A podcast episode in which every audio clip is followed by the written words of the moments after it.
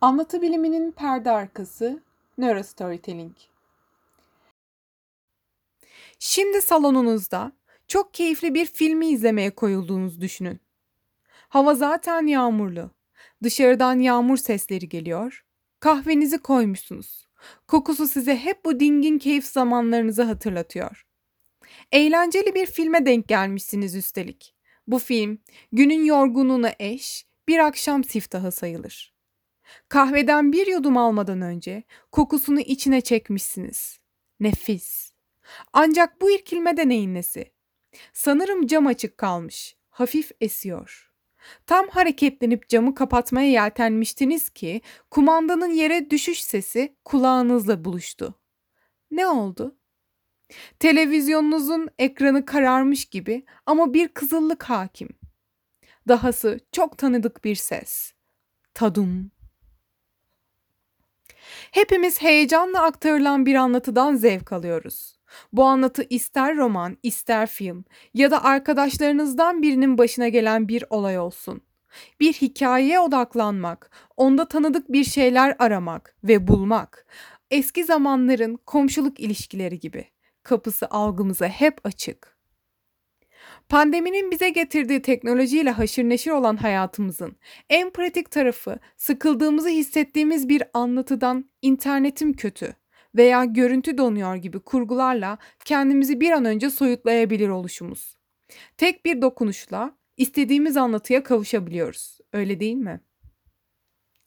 Yine kahveniz hazır, rüzgar da esiyor, yağmur yağıyor falan filan.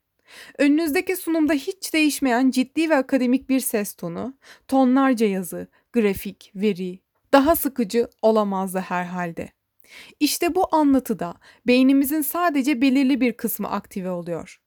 İnsan beyninin sol alt frontal gyrusunda yer alan, dil ile ilişkilendirilen Broca bölgesi, özellikle fonolojik motor yönleriyle bağlantılı olarak işleme ve söz dizimi üretiminin gerçekleştiği yer. Bu bulunduğumuz süreçte anlatılanın çözülerek beyinde anlamlandırılmasını sağlıyor. Hepsi bu kadar. Limonlar ekşidir.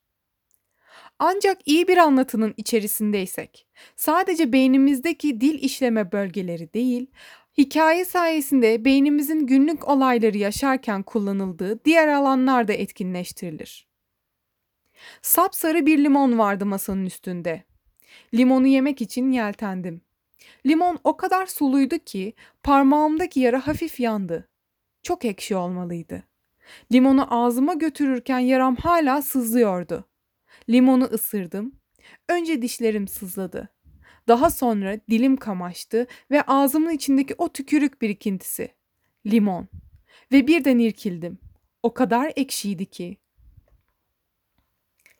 Hikayeyi okurken beynimizde tadımdan sorumlu duysal korteks, sensory korteks harekete geçti.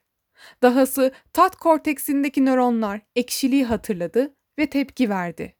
Muhtemelen yüz kaslarınızın değişimiyle beraber motor korteksiniz aktif hale gelmiş oldu. Peki, limonlar ekşidir denildiğinde de aynı hissi yaşadık mı? Hikayenin bedeninize ve beyninize olan etkisini keşfedin. Evet, güzel yapılandırılmış bir hikaye düşüncemizi ve hareketlerimizi şekillendirmemize neden olabilir. Peki bir hikaye nasıl böyle bir değişme sebep olabiliyor? Hikayenin içinde bulunan semboller, metaforlar, analojiler, benzetmeler, bütüncül ya da parçalı söz dizimleri bizim ilk uyarıcılarımız. Mesela Kafka'nın Gregor Samsa üzerinden anlattığı kurgu metnindeki metamorfozun bir hamam böceğine dönüşmek değil de bu durumun karşısındaki değişimi konu aldığını bütüncül anlatıdan fark edebiliyoruz. Sen öyle her şey limon olma dendiğinde artık size ekşiliği anlatmıyor olması gibi.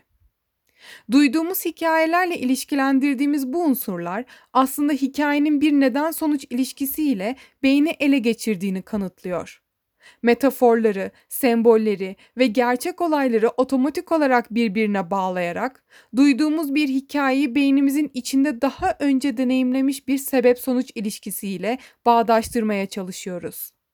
Bu duygusal deneyimler kognitif algılama süreci ve ardından bu algıya karşı oluşturulan bedensel tepki insulanın çalışmasına yol açıyor. Insula bu uyaranlar hakkında bilinç seviyesinde bir algı oluşturulmasını sağlayarak bağdaştırma dediğimiz işlemi gerçekleştiriyor.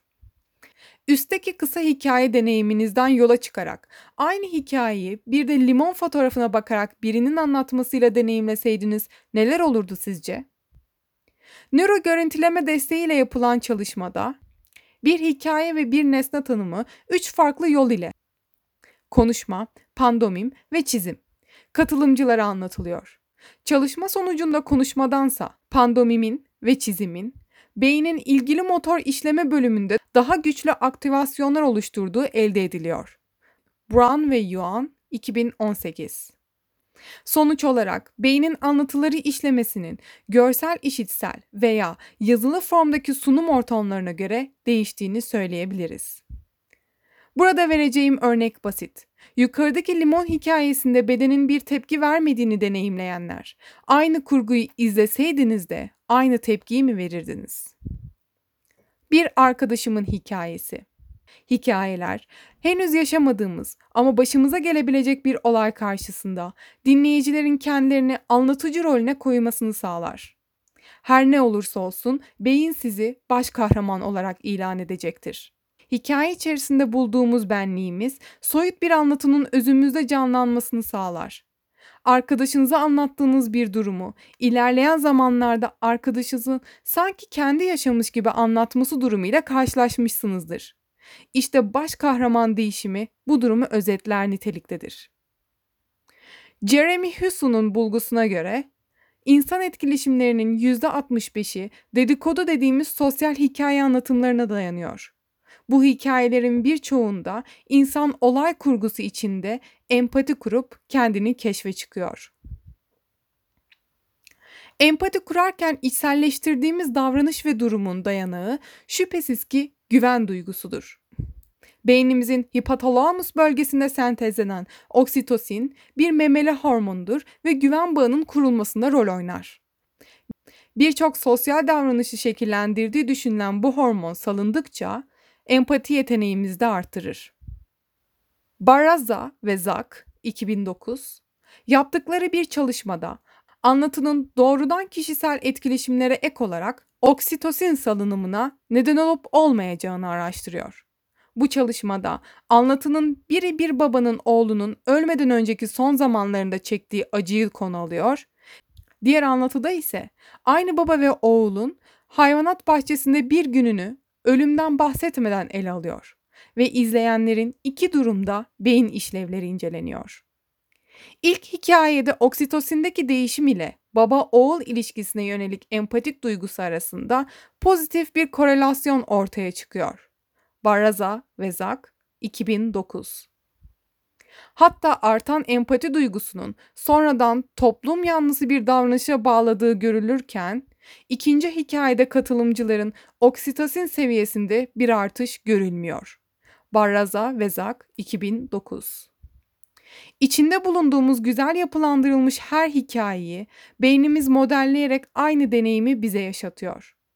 Bir film karakterine kızışınız, bir romandaki olaya ağlamanız, bayramda şeker tabağı dolduran ama torunları gelmeyen o dedeye, nineye üzülüşünüz, ya da Ramazan'da elinde pidesi ve içeceğiyle koşarak koskocaman sofraya gelen o çocuğu gördüğünüzdeki gülümsemeniz.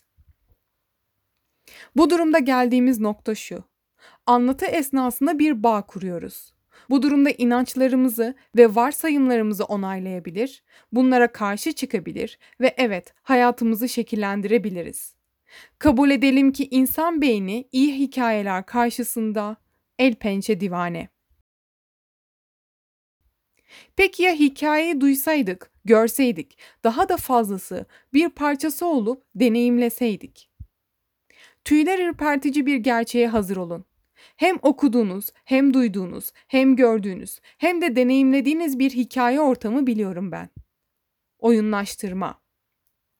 Sinematik ve sesli anlatıların yanı sıra Bir de fiziksel deneyimin birlikte işlendiği, oyunlaştırma sürecinde içinde bulunduğunuz hikayenin yardımıyla etkili öğrenmenin, bilgiyi kavramanın, dahası hatırlamanın ve davranış değişikliğinin daha etkili olacağı sonucunu çıkarabilir miyiz peki?